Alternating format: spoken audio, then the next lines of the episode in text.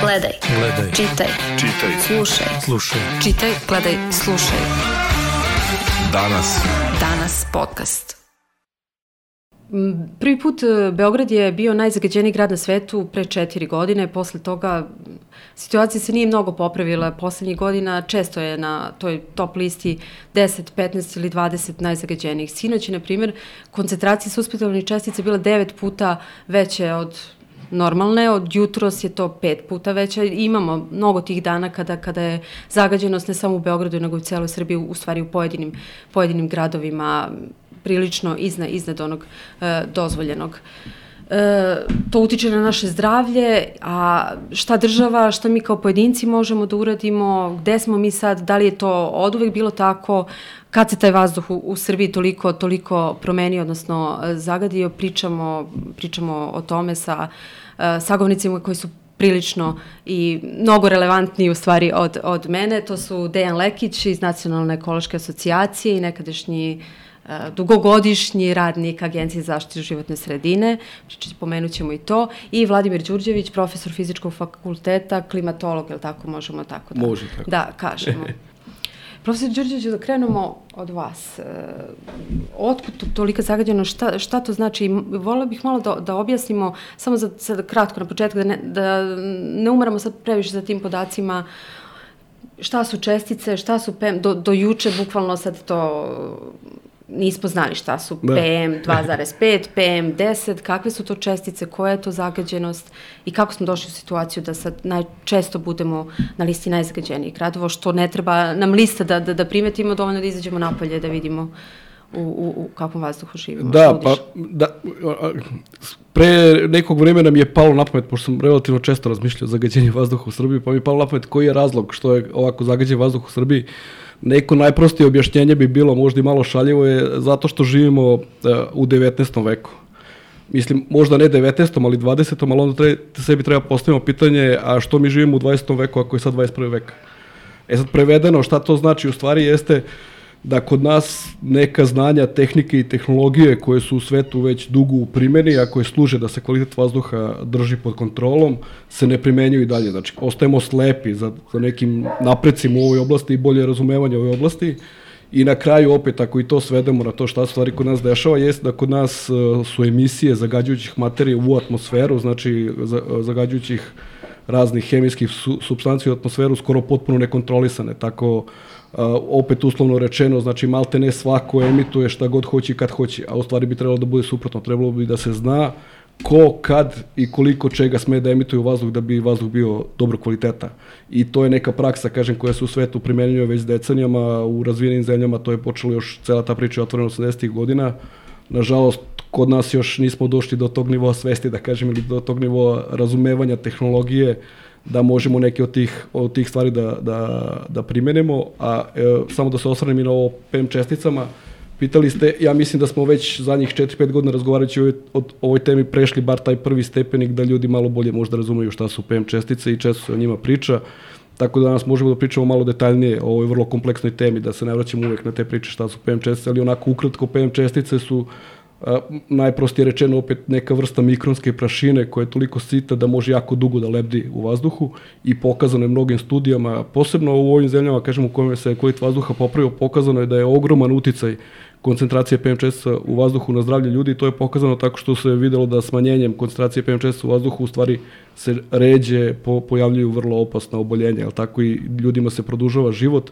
Tako da život u, u, u okruženju u kome su ogromne koncentracije PM čestica u stvari na kraju rezultira time da ljudi u proseku kraće žive i da češće oboljevaju od nekih vrlo, da kažem, složenih i, i, i potencijalno tako smrtnih, smrtnih bolesti.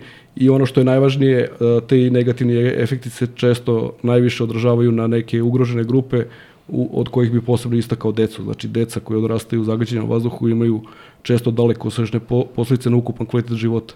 Tako da u tom. Da. smislu PM česte su vrlo opasne i radi se, kažem opet, eto, o mikronskoj prašini koja opet i kod nas u slučaju naše zemlje, jel tako, pu, ima puno tih zagađivača koje emituju tu vrstu čestica, ali tako, u, nekoj, u, na neki način potpuno nekontrolisano. Znači, ne vodi se računa ni o gorivama koje se koriste, ne vodi se računa ni o tehnologijama koje bi to zaustavile i tako dalje. Tako da, eto, jedna vrsta bezakonja i ovašluka je dovela do toga da imamo ovako loš kvalitet vazduha. Da. Pričat ćemo, evo, evo jedan podatak Svetske zdravstvene organizacije, to je od, u stvari od pre tri godine, za 2019. bio podatak da, konkretno za Srbiju, da zbog zagađenja vazduha dolazi do respiratornih oboljenja, od kojih godišnji prerano umre više od 5000 ljudi. A, a prema nekim drugim procenama stručnjaka, u jednom drugom istraživanju sam pronašla da a, ukoliko bismo te PM 2,5 čestice smanjili na 5 mikrograma po kubnom metru, što je neka preporuka SZO, da bi prosečan životni vek se poveća u proseku za 2,2 godine. Tako da, da. Nije, nije, nije malo. Broj o prirodnim smrtima, samo vrlo kratko intervenše, broj o prirodnim smrtima, često se pojavljivale razne procene za Srbiju, ali tako, i obično se kredale od recimo 6-7 hiljada pa do recimo otprilike 15.000 e, što je bila procena Evropske agencije život sredinu. Na sreću, evo danas je tu ideja, a, a, pa smo e, i pred a, e, početka snimanja pričali o tome, usvojen je program kvaliteta vazduha za Republiku Srbiju i konačno imamo broj prerano umrlih i za kog stoji vlada Republike Srbije, odnosno vlada Republike Srbije da na neki način po znacima navoda priznala da je zagađenje veliki problem i da u našoj zemlji 11.200 ljudi godišnje prerano umre zbog zagađenja vazduha. Tako da ja bih predložio evo u buduće i, i mediji i svi mi ostali kad pričamo o tim negativnim posledicama da možemo da se držimo tog broja od 11.200 prerano umrlih i da ne pričamo sad o broju e, dece koje do, dobijaju razne respiratorne probleme. Ima u tom dokumentu sve to piše, da kažem, da. detaljnija struktura tih, tih problema. Dene, ka, kakva je situacija uh, bila ranije vi ste, vi ste dugo godina se ba, bavite da. o, time i radili ste i u agenciji. Da li, je, da li je ta zagađenost bila i ranije takva, samo se nije merilo uh, i smo imali tada merne stanice u, u, u tom nekom obimu, obimu. Kako se, da kažemo, razvijalo to, da, da, li, da li je stvarno zagađenost sada, sada veća nego što je bila pre, pre 20 godina ili samo tada nismo znali? Kako je? Uh, postoje različite teorije. Ono što bih ja mogao da kažem, u najboljem slučaju je isto. A, međutim, šta se događa? Vi imate, vreme teče unapred. Dakle, sve druge stvari se odvijaju, vi imate povećanje broja vozila, vi imate sve one stvari koje dodatno, to što je bilo isto ne može da bude isto, već je gore. I to pokazuje i ova, ovaj plan kvaliteta vazduha, program kvaliteta vazduha, zaštite kvaliteta vazduha koje je po, pomenuo gospodin Đurđević, Dakle, tu se vidi da zapravo da je u periodu od 2013. do 2019. E, taj period vremenski pokriva ovaj program u smislu analize, dakle da je došlo do pogoršanja. Da. E, na različite načine mi možemo to da posmatramo. Naime, ta mreža za automatski monitoring kvaliteta vazduha koja proizvodi ove podatke, ona je osmišljena te 2008-2009. godine kada je uspostavljena, u skladu sa preporukama evropskih eksperata koji su tada ovaj, došli u Srbiju, ja sam bio jedan od učesnika u tom projektu, uh, u, u ovom konkretnom projektu sam bio jedan, da kažem, tu minorni, uh, minorni učesnik, bilo je tu ljudi koji su mnogo više doprinili i uh, oni su zapravo modele koji su u Evropskoj uniji normalni, da kažem, bili primenjeni, primenili i kod nas. Otud tih 28 automatskih stanica u prvom setu e, pokrivanja teritorije Republike Srbije, nikom najme nije padalo na pamet da mi ložimo otpad, plastiku, e, motorna ulja, gumu, jer to jednostavno, e, vi se smatrate ludim, a ne da kršite zakon, zato što pre svega sebi ugrožavate zdravlje kada koristite takve, takve vrste goriva. I ono što se desilo zapravo u prethodnom periodu da gde god se uspostavio monitoring kvaliteta vazduha na ovim referentnim e, profesionalnim stanicama kojima upravlja ili Agencija za životnu sredinu ili neka druga institucija, to su zavode za javno zdravlje i tako dalje, ispostavilo se da dolazi do prekoračenja PM 2,5 i PM 10 čestica. Posljednja dva slučaja su Novi Pazar i Pirot. Dakle, čim su se uspostavili, e, uspostavili monitoring, oni su odmah imali prekoračenje i u smislu srednjih vrednosti i u smislu trajanja tog prekoračenja. Zapravo, E, mi smo kroz vreme širili taj monitoring, kako smo ga širili, tako smo ustanovljavali da je sve veći i veća broj lokacija gde je zagađenost vazduha zapravo trajna. Ona verovatno, mi ne možemo sada da kažemo da li je u Pirotu bilo 95. ista zagađenost vazduha jer nije bilo adekvatnih merenja ili uporedivih merenja. Ali kada god uspostavimo novo merno mesto, ispostavi se da tu postoje prekoračenja, bukvalno uh, koja, koja su vrlo opasna po ljudsko zdravlje, ovo što je gospodin Đurđević govorio, dakle, to su PM2,5 i PM10 čestice. Da, Novi Pazar je bio prošle godine najzagađeniji grad. Tako je, zamislite Mi sad vi taj- Beograd, ali zato što kao najviše Tako je, zamislite taj da. podatak. Dakle, vi uspostavite monitoring, on je najzagađeniji. Najzagađeniji u Evropi, ne Da, da. najzagađeniji u Srbiji. E, on je, ima Krasnojarsk, čini mi se u Rusiji je grad koji bi, kada bi posmatrali Evropu kao jedan kontinent zajedno sa Rusijom, on je bio jedini zagađeniji od svih mesta na kojima se meri. A ovo vezano za, što ste pomenuli Beograd, evo ja sam pogledao baš pred početak našeg razgovora, Dakle, vi ste rekli danas je negde neko malo, malo, malo manje loše mestu Beograd danas. Da, da, da. On je 49. u ovom trenutku u Srbiji od svih opština u Srbiji. 49. prema svim merenjima koja postoje. Sad zamislite situaciju kada vi e, ste zabrinuti za Beograd, a on je, imate 48 mesta opština u Srbiji koji su u lošijoj situaciji. To je nevjerovatno. Mislim, To je da, da. zaista šokantno. Jeste, kako nije. Izvinjam se, isto imam da dodam nešto malo u vezi tog istorijskog zagađenja, pošto se to isto često otvara kao pitanje, kao pa ni- nije valjda da je sad najgore kako je bilo to recimo 90. ili 80. godina. Znanje o uticaju kvaliteta vazduha na ljudsko zdravlje, kao i znanje i te tehnologije merenja kvaliteta vazduha, posebno u realnom vremenu, su značajno napredovale poslednjih 30-40 godina. I je. taj napredak je pomogao u stvari i da razumemo koliko je kvalitet vazduha važan za ljudsko zdravlje. Ne, ne pričam samo kod nas, nego generalno na globalnom nivou. I u tom smislu je puno zemalja upravo tad, pre 30-40 godina, počelo ozbiljno da se bavi ovim- problemom, zato što su vidjeli da postoji ogroman uti, negativan utjecaj na ljudsko zdravlje i počeli su polako da uvode mere i tehnologije, ali tako, koji su omogućavali da vazduh bude da vazduh bude kvalitetniji, tako da to ukupno znanje koje se akumulira vremenom nam, nam u stvari pomaže da znamo da i pre ako je bilo loše da, da, da to nije nikakvo opravdanje, nego da trebamo neke stvari da promenimo. Ja često povlačim paralelu sa kanalizacijom u Londonu. Znamo da su, ne znam, u 19. i 18. veku kanalizacija je tekla ulicom, a tako, pa ljudi su shvatili da to isto ima negativan utjecaj na- na zdravlje, pa su kanalizaciju stavili ispod zemlje. Tako da ne, ne može da nam bude opravdanje to da je možda bilo loše isto 80. godina da kažemo pa dobro šta nam danas fali možemo da nastavimo. Znači u odnosu na znanje koje akumuliramo trebamo da popravljamo svoj kvalitet života. Tako da je ta priča po meni malo nerelevantna. Ono što znamo trenutno je kata, da je stranje katastrofalno loše da to možemo da popravimo i danas znamo i da postoje načini, vrlo smo svesni šta treba da uradimo da bismo to stanje popravili, jednostavno trebamo da se bavimo time što pre i što efikasnije da bi, da, da bi živeli u boljoj životnoj sredini. A se smanjio bar taj broj, uve, uvek su ti individualna lo, ložišta bila najveći zagađivač i to i dalje je tako ostalo. Da? Pa u principu, da vam kažem, procene koje e, izlaze u izveštaju o stanju e, kvaliteta vazduha koji radi nacionalna institucija koja je za to zadužena agencija za zaštitu životne sredine su vrlo slične onome što se nalazi i u ovom e, programu. E, taj uticaj malih ložišta Pazite, nisu to samo ku, e, furune u kućama, to su i male kotlarnice. To su i kotlarnice, sve kotlarnice ispod 50 MW. Dakle, to su, recimo, primer radi zgrada javne uprave Ineksa u Beogradu je na mazut. E, I to je, ta, ma, to je to malo ložište. E, imate čitav niz grada solitera na, na Karaburmi koji su na mazut. Vi kad prođete tuda i kad vidite ta, tu perjanicu koja izlazi iz, iz, iz krova tog solitera, vama nije dobro. E, to, su sve, to se sve vodi kao malo ložište i njihov uticaj se negde procenjuje od preko 60% do preko 80%. Međutim, tu ima i ovaj, postoji ovaj uticaj sekundarnih e, PM čestica, o čemu može profesor Đurđević mnogo više da kaže nego ja.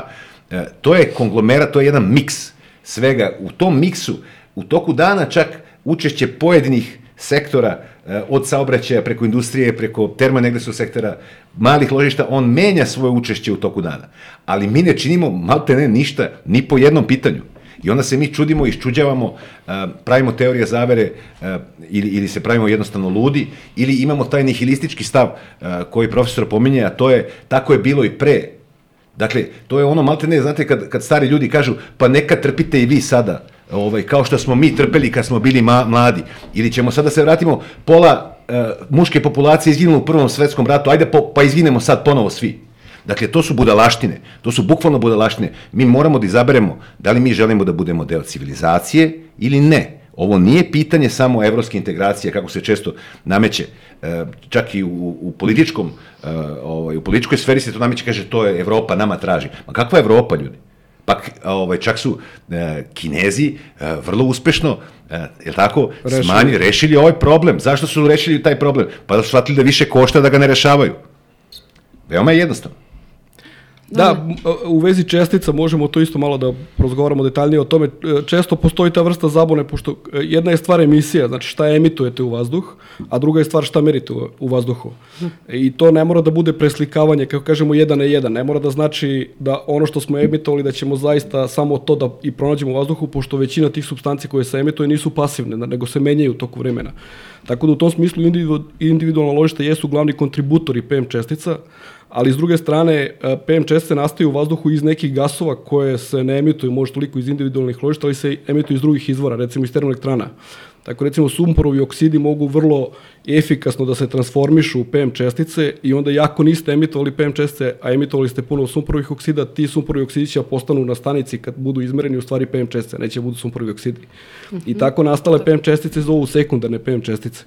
Tako da opet onako, da kažem, malo plastično ispričano, znači ako nečeg emitujete 100, a nečeg drugog emitujete 200, ne znači, ne znači da će u tom odnosu da to, taj isti odnos da nađete na merenju, nego možda ovog čega je emitovano 200, iako je manje opasno, može se to konvertuje u, dodatnih 100 ovog prvog zagađivača koji je opasan, zato što postoje vrlo složene hemijske reakcije i fotohemijske reakcije koje e, da kažem na neki način sve te razne emitovane gasove, čestice i tako dalje transformišu u toku vremena i u situacijama kada su ovako izuzetno visoka zagađenja, znači kad su koncentracije blizu 100 i preko 100, veći udeo čestica u vazduhu su u stvari te sekundarne čestice koje nikad nisu ni emitovane kao čestice. I, i ta, indirektan pokazatelj koliko, koliko je veliki doprinos tih sekundarnih čestica jeste upravo opet u programu kvaliteta vazduha koji je koji je juče us- usvojen zato što vidimo da kada se primeni prva najosnovnija mera koja je već trebalo odavno da se primenjuje kod nas, a to je To je primjena tog plana za smanjenje emisija iz velikih uh, ložišta i velikih postrojenja koji se odnosi samo na osam postrojenja u Srbiji i ta mera u stvari znači sistem za odsumporavanje, znači za uklanjanje sumporovih oksida iz vazduha.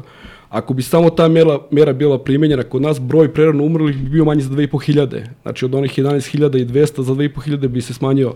Tako da se vidi da, da je i udeo, da kažem, uh, te, tog nekog uh, indirektnog uticaja uh, gasova u smislu njihovog konvertovanja u PM čestice i na kraju na ljudsko zdravlje u stvari vrlo, vrlo veliki grubo gledano, kada se malo detaljnije pogledate analize, uh, u ukupnom zagađenju, otprilike, mo, za ukupno zagađenje možemo da kažemo da otprilike jednu polovine čine veliki zagađivači, znači velike industrijska postrojenja, termoelektrane, razna, razna druga, jel tako, isto indu, industrijski centri kao što su uh, recimo mesta koji imaju cementare ili imaju neke, neke malo ozbiljnije industrije, znači oni su otprilike jedna polovina problema, a druga polovina problema su individualna ložišta, i iza njih možda sledi poljoprivreda koja isto kod nas često zanemarena, i uticaj poljoprivrede se isto lepo vidi iz, iz ovog dokumenta. I na kraju na kraju dolazi saobraćaj. Tako da, e, otprilike, e, e, da kažem, raspored snaga je takav da su jedna polovina su veliki, kojih ima relativno malo, možda u Srbiji je to pričamo o 20 Koji znamo gde su, koji I znamo gde su, znamo da. ko su, i imamo drugu, drugu polovinu, izvinjam se. Jeste, i imamo ovu drugu polovinu gde se radi o stotinama hiljada malih izvora, jel tako, koji su vrlo teški za kontrolu, jel tako, to je najteže, da kažem, intervenisati sad po znacima navoda ići po kućama i menjati šporete ili recimo ova zamena automobila, jel tako, starih motora, to su mere koje se vrlo dugo primenjuju i kad gledamo opet zemlje koje su uspešno implementirale planove kvaliteta vazduha i koje su popravile svoj vazduh, vidimo da kod njih te mere, recimo koje se tiču energetske efikasnosti na objektima ili zamena odgovarajućih grejnih tela, da idu prilično sporo. Znači to ne ide tako brzo i teško je očekivati za kratko vreme da se naprave veliki pomaci. A u smislu recimo odsumporavanja na termoelektranama, ta postrojenja bi mogla da se izgleda u roku od 2-3 godine i samo za te 2-3 godine videli bi značajno smanjenje koncentracija, kažemo opet posebno pri ovim visokim koncentracijama, znači ne bismo imali ove pikove koji deluju potpuno suludo, znači da vi imate koncentracije od preko 100 mikrograma nečega u vazduhu. Sinoć je bilo u Lazarevcu 220, dakle, E, želim, da. da. želim to da naglasim, Da. zašto nisam to skoro video. Da, da, to, ti pikovi bi skoro sigurno bili izgu, izgubljeni, a kažem, odmah bi se direktno i osetilo a, boljitak u smislu ovih preranih smrti o kojima pričamo i to kažem za, za vrlo značajan broj, znači 2500 prerano umrlih bi imali manje samo za, za, za, slučaj a, primere te mere, a kažem opet radi se o osam postrojenja, znači bukvalno jedan deo tih postrojenja je u, da kažem, pod državnom kontrolom, to su u pitanju termoelektrane, jedan deo uh, toga je, su ovaj, nisova postrojenja, tako da nisi isto, da kažem, radi se o, o privatnoj kompaniji, tako da u tom smislu verovatno država tu ne bi imala veliko ulaganja. Ja sam isto skoro malo pogledao detaljnije koliko bi, na primjer, kad bi mi građani sad hteli da skupimo novac i da uvedemo sisteme za odsumporavanje, koliko bi to bilo i to bi ispalo manje od 10 eura po glavi stanovnika godišnje. Tako da ja sam siguran da kad bi ljudima to ponudili da bi svi bili vrlo radi da, da uplate. Opet to je pokazatelj da se ne radi ni o kakvim ni o kakvom novcu koji je za nas Da. nedostižan. Da. Moram sad, pošto pominjemo non stop sad taj program koji je usvojen, e, to, to je, da kažemo, najnoviji dokument koji većina još uvek nije videla, jer Ministarstvo zaštite životne sredine saopštilo i ta vest sad postoji, taj, dokument postoji. Znači, program zaštite vazduha za period od ove, počeši od ove godine do 2030. I to je, kako su oni naglasili, vi možete da mi potvrdite, da je to prvi strateški dokument za, takvu, za, za, za ovu oblast i da će narednih godina biti potrebna ulaganja od 2,6 milijardi evra Tako da bi je. se ceo taj program ispunio. E, Dene, šta je sve u tom, evo, pominjemo, sve vreme pominjete šta se, šta se sve nalazi i da li postoji spremnost, mislim, ne, nećemo pričamo da li postoji spremnost države, videli smo na prethodnih godina kako to koliko u suštini ma, ma, možda nam malo treba da krenemo da počnemo da radimo, da probamo da počnemo tih stvari koje za, ne, ne iziskuju mnogo, mnogo novca. Ja verujem da postoji ta spremnost. Dakle, usvojen, usvojen je program. On je mogao da bude i neusvojen. Da, naravno. A, mi smo izgradili autoputeve. Neke autoputeve smo izgradili u poslednjih nekoliko godina, tako? Neki su renovirani ili produženi ili šta ja znam. Dakle, mi imamo finansijska sredstva da izgradimo e, putnu infrastrukturu. Da li je ta putna infrastruktura svuda neophodna? Neću da ulazim u to pitanje. Ali ja mislim da je, e, da je veće pitanje kvaliteta vazduha nego putne infrastrukture. Zašto? Zato što da bi vam neko putovao tim putevima, treba da bude živ ili da bude mar, makar zdrav, ili će vam tim putevima putovati ovaj, vozila za sanitetska vozila. Ovde je potpuno nedvosmisleno u ovom programu prikazan odnos između troškova za koje, koji su proizvod narušavanja zdravlja populacije i ulaganja koje je potrebno da do tog narušavanja ne, ne dođe. I po prvi put, zaista, je vlada usvojila jedan takav dokument gde više dileme nema, nije potrebna više diskusija nikakva. Potrebno je delanje. E, Da li postoji kapacitet? Nisam siguran, ali i kapacitet može da se izgradi. Dakle, ja sam e, u- uključen u jedan projekat e, UNDP-a, dakle Organizaciju Ujedinjenih nacija, e, sa ciljem podizanja kapaciteta lokalnih samuprava u Srbiji radi primene i razvoja njihovih lokalnih planova kvaliteta vazduha, gde oni na lokalnom nivou, a to je ovaj drugi deo problema o kome je profesor Đuđević govorio, dakle mala ložišta, kotlarnice i sve ono što se, to je energetska efikasnost i sve one stvari koje se rade na lokalu, saobraćaj u lokalu takođe, gde, gde ljudi treba da pripreme te planove i da ih implementiraju. I naravno, vi vrlo brzo shvatite šta se događa. Neki od tih lokalnih samouprava su pripremile planove, neki su u toku pripreme, ali implementacija i verifikacija implementacije nedostaje. Kod nas uvek nedostaje verifikacije implementacije, kao u futbalu. Dakle, mi u futbalu e, sami sebe proglasimo šampionima sveta, očekujemo da pobedimo Brazil 5-0 i onda se strašno ovaj, padnemo u depresiju kada, kada izgubimo ovaj, kao, po, kao da smo popili čašu hladne vode ovaj, od tog Brazila i onda umesto da, da ustanemo i da kažemo dobro, ajde, pa nismo ni, trebali smo da budemo realni, hajde da pobedimo nekog drugog. Mi onda od depresije i od razočarenja Mi nismo u stanju ni da napobedimo ostale. E, to se nama dešava i sa vazduhom, i, a i u mnogim drugim stvarima. Dakle, hajde, ali sad imamo plan, sada je potpuno jasno definisano, ovaj plan je a, vrlo, da kažem, obuhvata mnogo stvari, ali je zapravo jednostavan, jer postoje tačke. I vi e, vrlo često to imate u nekim, nekim stvarima, recimo pri isporuci nekih dobara, e, e, naročito u projektima koje radi Evropska unija, vi imate nešto što se zove checklista. Dakle, vi imate mogućnost da u jednoj tabeli jednostavno štiklirate i svojom, e, svojom odlukom overite da li je nešto urađeno, isporučeno ili ne. Tako da ja predlažem e, svima nama koji se bavimo ovom temom da pratimo dinamiku implementacije ovih mera, tih mera nema 50, tih mera ima e, desetak, 15 u ovom programu, gde mi možemo zaista da pratimo dinamički kroz vreme u periodu do 2030. godine. Ja mislim da ne postoji ni jedna stvar koja se kod nas dogodila e, do onog trenutka kada je najavljena. Ali to nema veze, dakle, to ne znači da ne treba da počnemo. O, dakle, možemo da pratimo i da kažemo od ovoga je uređeno 10%, od ovoga je uređeno 3%. I, i, da, I da na taj način vršimo e, dodatnu kontrolu i kontrolu te implementacije koja je kod nas uvek problematična, uvek. Ajde samo da pomenemo šta, ja sam izvojila samo neke stvari, vi imate tu, Da, da. spisak je duži, E, zamena starih uređaja za grejanje u domaćinstvima, to, to je planirano, obnova voznog parka, znači isključivanje Stari- automobila starih sa, sa, motorima. sa motorima, šta, je. šta još ima na, šta je E, još imate, na imate planu? čitav niz stvari e, koje su zapravo transpozicija evropske regulative im, odnosno implementacija transponovane, već transponovane evropske regulative u naše, u naše zakonodavstvo. Šta se tu dogodilo? Dakle, mi smo počeli, uh, otvorili pregovore sa Evropskom unijom, uh, sa pregovaračkom pozicijom za pogled 27. Ta pregovaračka pozicija je pripremana od 2013. godine. I u njoj su predviđeni za odgovarajuće podzakonske akte, odnosno zakonske akte koji su pretvoreni u čitav niz akata u Srbiji, e, neki prelazni periodi. I vi kažete, sada mi smo svesni da je to na evropskom nivou dobro, mi želimo to da primenimo, ali ne možemo da primenimo odmah. Zato što bi to iziskivalo dodatna sredstva i tako dalje. I pogledajte sad o ovim merama, imate e, evo ja ću probati samo par da pročitam da bi shvatili, da bi stekli utisak. Imate sprovođenje poglavlja dva direktive o industrijskim emisijama, sprovođenje direktive o ograničenju emisija određ, određenih zagađujućih materija, sprovođenje uredbe o graničnim vrednostima emisija. Dakle, to je sve neš, nešto što smo mi transponovali kod nas u, u, u zakonodavstvo i rekli, e, pa nećemo mi to sad moći, ajde da, ovaj, da to odložimo. Stiglo je na red. Stiglo je na red, zašto? Zato što se podigla, zaista fokus javnosti se podigao na maksimum. E, ljudi su, e, čak treba i to na neki način malo uh, smanjiti, jer ljudi su počeli da bukvalno imaju uh, fizički strah od, od ovih pojava.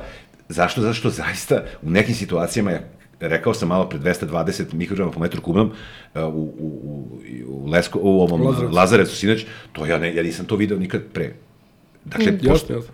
postoje stvari koje su, zamislite sad vi to, to, je kao da, da, da, da, da, da sedite i da, da, da pušite satima, ne vadete cigaretu iz usta. Pa pozivilo bio, mislim, Ljudi sa alergijama to osjećaju. Tako je, da, da, da ne pominjemo ljude, ja sam, da. E, meni, meni su to, ovaj, često kažem, ljudi preteruju, znači imam iz prve ruke nekoliko ljudi koji su mi rekli kad odu u inostranstvo, bolje ovaj bolje dišu, bolje spavaju, a, a posebno ljudi koji imaju astmu ili slične bolesti. Čak šta više, onda sam se, šta više, setio sam se e, svojevremeno e, svoji putovanja koje su postojala, nije to sad e, jedan put, dva put godišnje, tri put godišnje, znači vi zaista bolje spavate. I sećam se u Kopenhagenu, ja spavam, pošto imamo uveče negde se izađe, e, ovaj, neki, ne, neki kafić sa, sa tim ljudima koji dolaze iz regiona i tako dalje, i onda vi spavate 4-5 sati, sutra nastavljate dalje, vi ste se odmorili I vi se pitate kako je ovo moguće, šta se desilo, šta je, šta, mislim, kako je moguće da meni sad 5 sati spavanja dovoljno. Ovde vam nije dovoljno 10.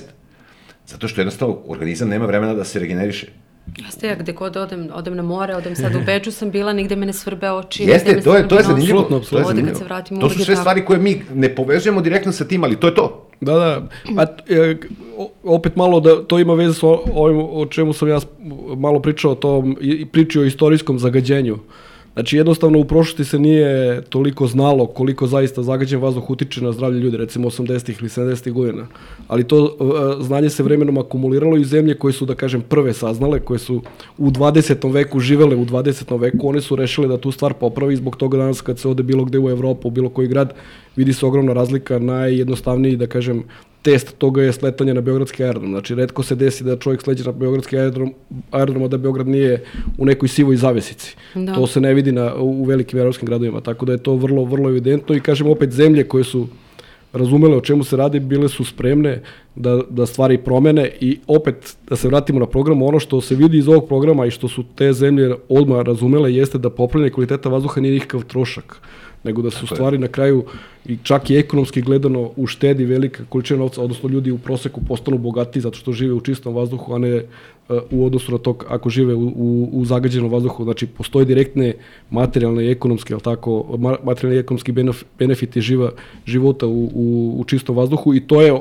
ako, ako ne možemo da nađemo bolji razlog mada ja bih našao više boljih razloga od toga. Tako je. Ako ne možemo da nađemo bolji razlog, neka nam bude ta ekonomija taj razlog zbog koga treba da imamo, da imamo čist vazduh. Ima još jedna tu stvar, dakle, dok mi ovde pričamo sad o tome, Svetska zdravstvena je uradila još analiza iste ove priče o koje profesor Đorđević govori. Dakle, oni su rekli, ne, nije ni to dovoljno što sada stoji u evropskoj regulativi. Moramo još da spustimo.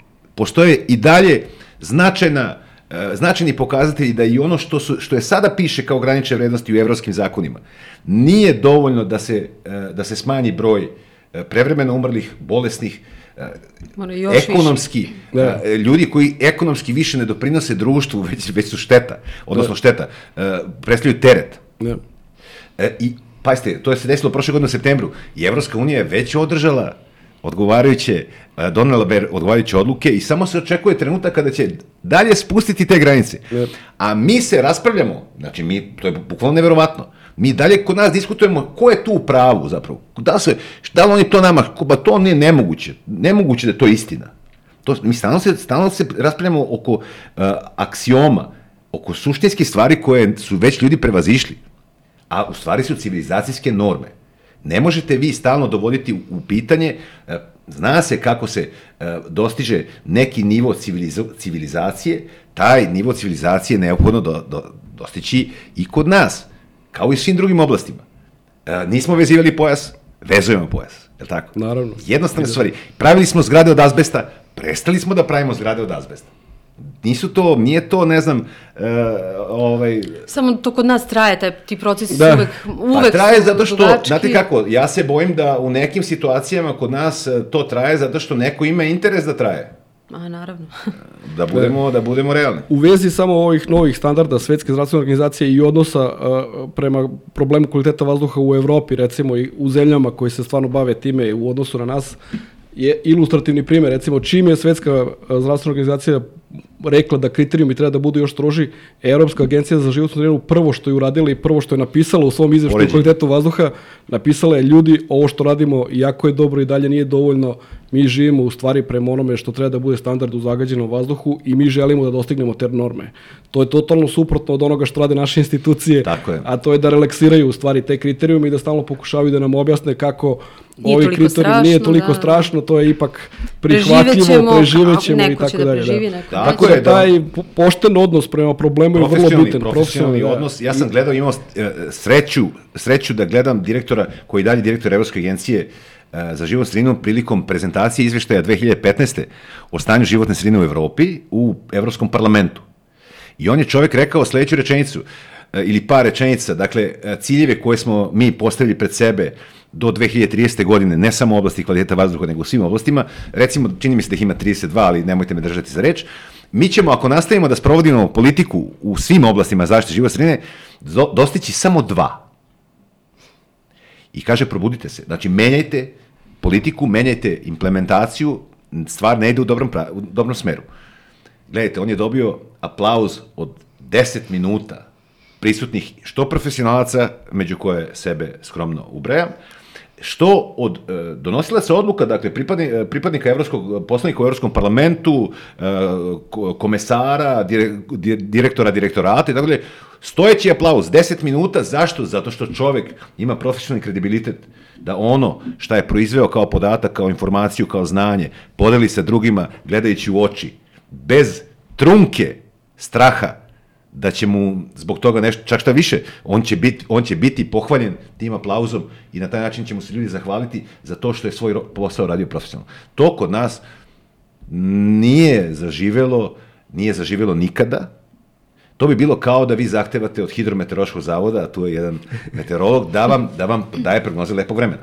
Dakle, potpuno je, potpuno ista stvar je, hajde da, da bez obzira što danas pada kiša, evo danima u Beogradu pada kiša i već je svima dosadila, hajde da, da, da vidimo sa hidrometeorološkim zavodom, da vidimo meteorologe koji će da izjavljuju svako jutro kako će biti lep dan, sunčan i sad pada kiša, pa šta da radim? Ja, moram, da, moram da vas pitam i to, e, šta mi sad kao pojedinci možemo da uradimo? Znači, da, da nosimo maske. Ima jedan, i još, ja se sad pozivam na stalno neka istraživanja, Da, da. vi me slobodno dopunite, ispravite, da je, koje je pokazalo da zagađenje vazduha često unutra u prostorijama bude e, dva do pet puta veće nego što je napolju. Da li nam tu mogu pomoći maske? Malo je glupo da nosimo maske Da. unutra, prečišćivači, sad svaka druga kuća maltene ih ima i ko nema skupi novca da, da, da kupi, jer šta, šta je to što mi kao pojedinci možemo da učinimo, da se zaštitimo i Pa da, prečišćivač vazduha u stanu ili u kući može da bude nešto što, što će pomoći sigurno. To u, u, u, zagađenje unutar e, prostorija, to isto tačno može da bude ponekad i više nego zagađenje napolju. E, jedino što pravi razliku jeste sastav tog zagađenja, pošto opet ja sam rekao da su PM čestice mikronska prašina, ali e, jako je bitan sastav te mikronske prašine. Tako da ta mikronska prašina koja je napolju i recimo koja dolazi iz nekog termoenergetskog postrojenja, sastav te mikronske prašine jako ima manje i mnogo opasnije nego sastav mikronske prašine možda, možda u stanu. Tako da to nisu potpuno uporedive stvari, ali da, u, e, zagađenje unutar unutar kuća može da bude značajno, posebno u kućama koja koriste šporete, recimo za kuvanje i za grejanje, ti šporeti često znaju da jedan deo tih gasova umesto da izađe kroz odžak, da se zadrži u kućama i u tim slučajevima to zagađenje je opasno. Ali prečišćivač u stanu, da, što da ne, e, svako ko, da kažem, može sebi da priušti e, prečišćivač vazduha, to je neka stvar koja možda pomogne. Ja isto često kažem za maske, maske ove N95 koje smo nosili u, u, u vreme korone, da kažem, nisu 100% zaštita. Posebno kada pričamo o, o, o gasovima i o tim najmanjim česticama koje su opet često te sekundarne čestice koje sam spominjao. Znači nisu čestice koje su emitovane kao čestice, nego koje su nastale umeđu vremenu. Sekundarne čestice su obično mnogo manjeg dijametra nego ove PM2.5 i to značajno da mogu da budu manje. N95 maske ne štite od toga, nažalost, ali popravljaju situaciju. Znači, sigurno ćete uneti manje zagađenja u sebe ukoliko koristite masku, masku i ukoliko ne koristite. Ljudi, Dejan je spominjao da postoje ljudi koji već pomalo imaju neku vrstu straha, se kod njih formiralo vezi zagađenja. Ljudi, ako se osjećaju sigurno noseći masku na ulici ili sigurnije noseći masku na ulici, zašto da ne, neće ništa faliti da nose Tako maske, neće napraviti štetu, maska neće napraviti štetu, koliko, koliko će pomoći, to je pitanje, možemo sad oko toga možda malo da, da kažem da diskutujemo i da ulazimo u neke fine analize koji su možda i akademske, prečišćivač u stanu neće napraviti štetu, učinit će stvar takođe boljim. Ja isto često kažem da jedna od tih urgentnih, hitnih mera koje mogu trenutno da se urade jeste da posebno u ustanovama u kojima deca provode puno vremena kao što su škole, vrtići i, i, i, i slično, gde možda treniraju neke te igraonice dečije, da bi možda ta, čak takve ustanove trebale da imaju obavezu, da imaju takve, takve uređaje u svojim uh, prostorijama, zato što deca puno provode vremena tamo i bolje bar u toku dana dok su tamo unu, unutar tih prostorija da, da kažem da budu manje izložena tom zagađenju, pošto deca spadaju u, jednu od tih rizičnih grupa kojima i niže vrednosti zagađenja stvaraju već, uh, već probleme. Tako da to su sve, uh, da kažem, te hitne mere koje se, koje se mogu primeniti. S druge strane, šta mogu pojedinci da urade? Moja omiljena mera jeste pritisak javnosti.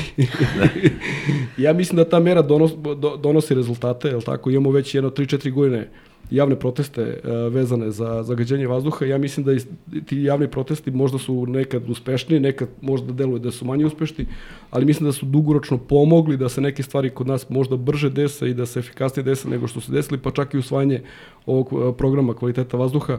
Mislim da je, da je postojanje tog stalnog nekog, da kažem, uh, nadzora šta se dešava po tom pitanju i koliko smo da, daleko otišli, mislim da je vrlo bitno u smislu brzine br brzine popravljanja, popravljanja vazduha u Srbiji. Ja isto često kažem, vazduh će u Srbiji sigurno u jednom trenutku uh, biti bolji nego što je sad, zato što nećemo moći do ove kada živimo u 20. veku, morat ćemo i mi u jednom trenutku da pređemo Da u 21. uđemo. vek. Samo je pitanje da li će taj bolji vazduh da dočekamo za 20 godina, za 15 godina, za 10 godina ili za 5 godina. Vidimo recimo da u slučaju Kine, u Kini dalje vazduh nije idealan, ali je mnogo bolji nego što je bio recimo pre 5 godina, tako da Kinesi su uspeli za 5 godina da naprave zaista kvantni skok. Tako da pitanje kvaliteta vazduha kod nas više nije uopšte e, šta treba da radimo, kako treba da radimo, sve to imamo sad napisano, pitanje je samo da li ćemo to sve da uradimo u narednih 5 godina, u narednih 10 godina ili ćemo možda da ostanemo u 20. veku još 20 godina. Meni je prosto nevjerojatno promenili se proteste, bukvalno jedini, da kažemo, uspešni protesti koji su dali neki rezultat su upravo bili ti koji su se ticali e, kvaliteta vazduha, ali meni je nevjerovatno da mi u 21. veku govorimo da su nam uopšte potrebni protesti za ta, takvo nešto. Zar nam nije svima u interesu da budemo zdravi, da preživimo? Naravno, ali, Ali da vam kažem, kada, očigledno- kao što su uh, uh, stručnjaci Svetske zdravstvene organizacije, Agencija za zaštitu životne sredine uh, američke ili evropske, napravili vezu između uh, zdravlja i zagađenja vazduha, tako su neki drugi ljudi napravili vezu između zagađenja vazduha i profita. A neki treći ljudi su napravili e, vezu između toga da tvrde da se ništa ne događa, da je sve u redu i svog e, rejtinga. To je ono što je problem. Ali ne možete se igrati sa brojevima. Vi možete da pravite marketing ovakav ili onakav e, različitim e, tumačenjem ili opisivanjem neke pojave u kojoj nema merenja. Ali ne možete to činiti kada tih merenja ima i kada su te, ta merenja uporediva sa nekim drugim merenjima. Ako vama u Srbiji e, je deve, devet lokacija sa državnim mernim stanicama, u Srbiji je zagađenije nego najzagađeniji grad u Evropskoj uniji od 342 grada. Koga vi pravite ludim? Koga, s kim vi diskutujete? Dakle, kažite samo, e, ja sam smislio jednu, jednu, jednu strategiju za ovakve diskusije. Dakle, imamo binarne, binarna pitanja, nema između. Da, ne, da li je ovo što sam rekao istina ili ne? Da ili ne? Odgovor je da, to je istina. Idemo dalje. Šta je šta ćemo mi učiniti povodom toga? Profesor je rekao, imamo listu, hajde da uzmemo da radimo na ovim primjeni ovih mera koje je definisano da je postignut konsenzus, to je jako bitna stvar. Dakle, oko ovoga je postignut konsenzus stručne, e, siguran sam e, i za profesora Ja Đurđevića sam stoji... učestvovao vrlo aktivno u tim Tako javnim raspravama. I, I jeste. I, i, I znamo i mnoge druge uh, tvoje kolege koji su učestvovali aktivno i koji stoje iza ovog dokumenta, dakle stručna javnost je iza ovog dokumenta.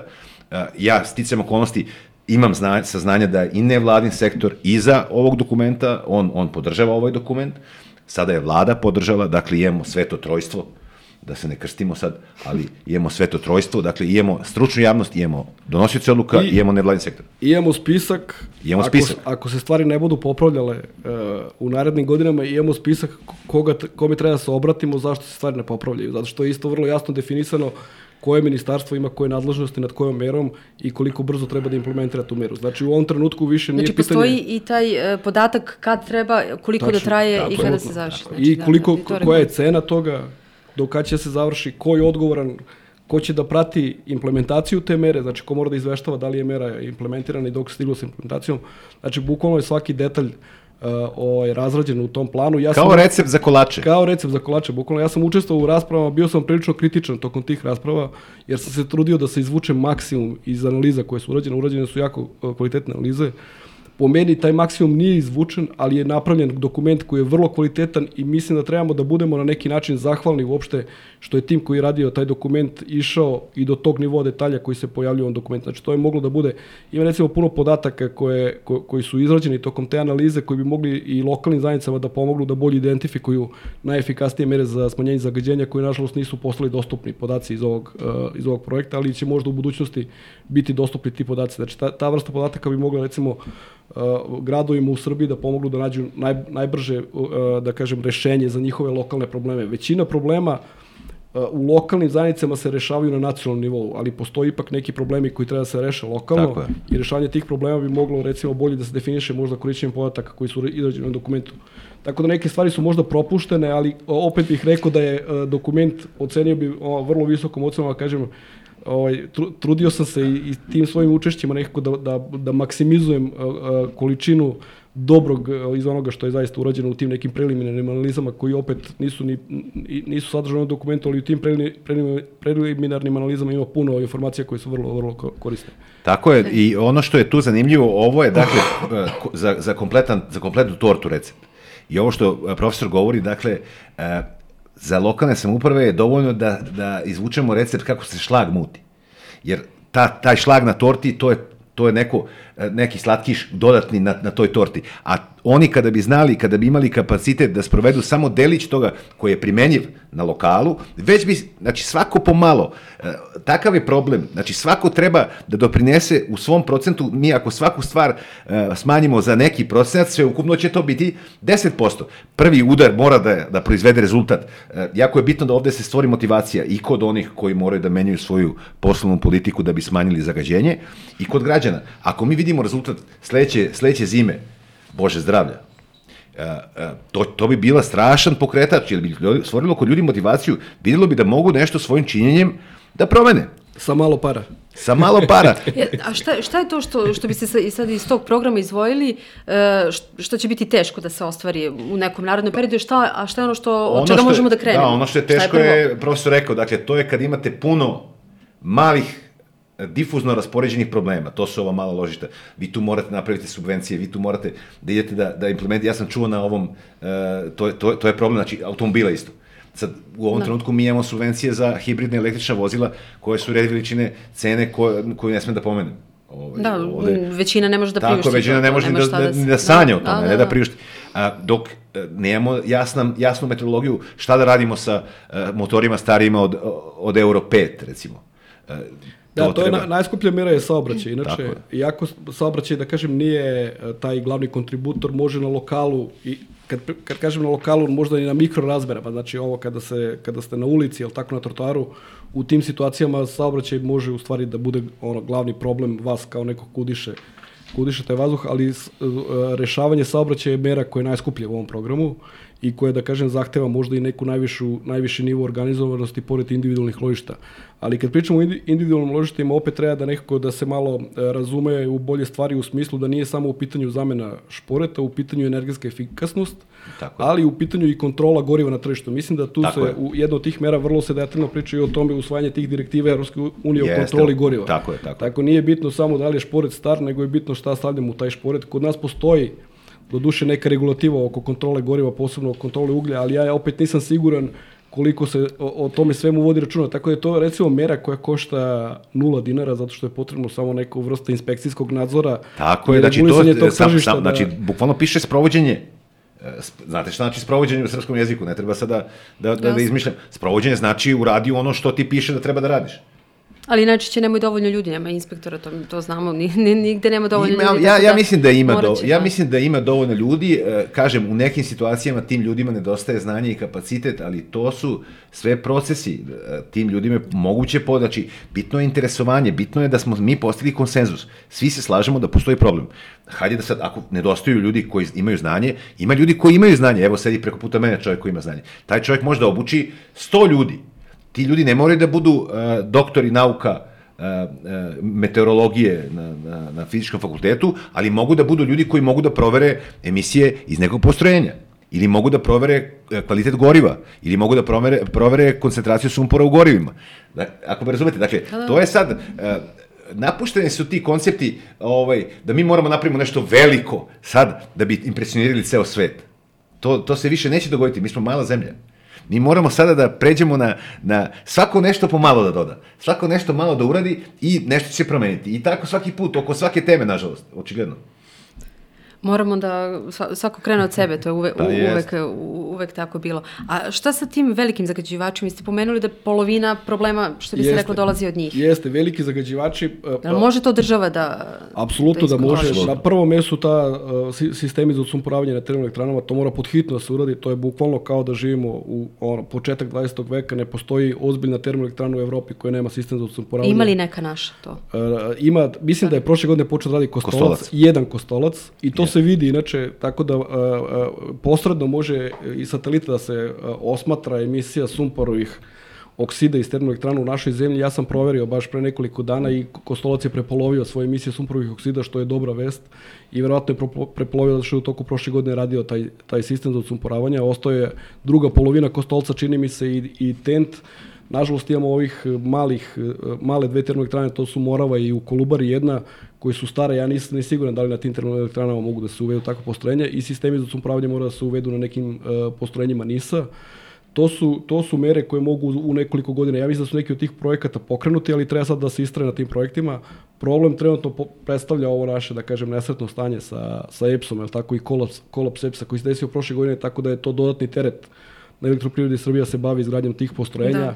ali mislim da bez, iskri, bez toga ne možemo da pričamo o nekom ozbiljnijem uh, popravljanju kvaliteta vazduha. Druga velika postrojenja koje su zagađivači u našoj zemlji su najčešće u privatnim rukama, tako da u tom smislu država tu treba samo da sprovodi, da kažem, zakon i određene direktive, ne treba ništa da ulože, pričamo o, o, o postrojenjima i rudniku bakra u Boru, pričamo o ovaj, e, železari u Smederevu, pričamo o cementarama, cementara, cementare su veliki, veliki zagađivači, oni isto da se drže pod kontrolom. Ove godine Popovac je bio prilično dugo, vrlo visoko plasiran, često je bio i prvi u Srbiji po pitanju zagađenja, radi se, uzrok toga je e, cementara koja se nalazi u blizini Popovca i Kamenolom, čini mi se. Tako je. To je opet neka vrsta rudnika koja je opet verovatno prepuštena malo i olabavljeni su neki regulativni procesi koji bi to, o tome trebali da vode računa, tako cementare su vrlo bitne i vrlo su bitne, Dejan je spomenuo, ja ću još jedan pa kažem, vrlo su bitne uh, te uh, ove, mazutare, da kažem, odnosno uh, kotlovi na mazut i na ugalj koji dalje postoji u mnogim gradovima, to su obično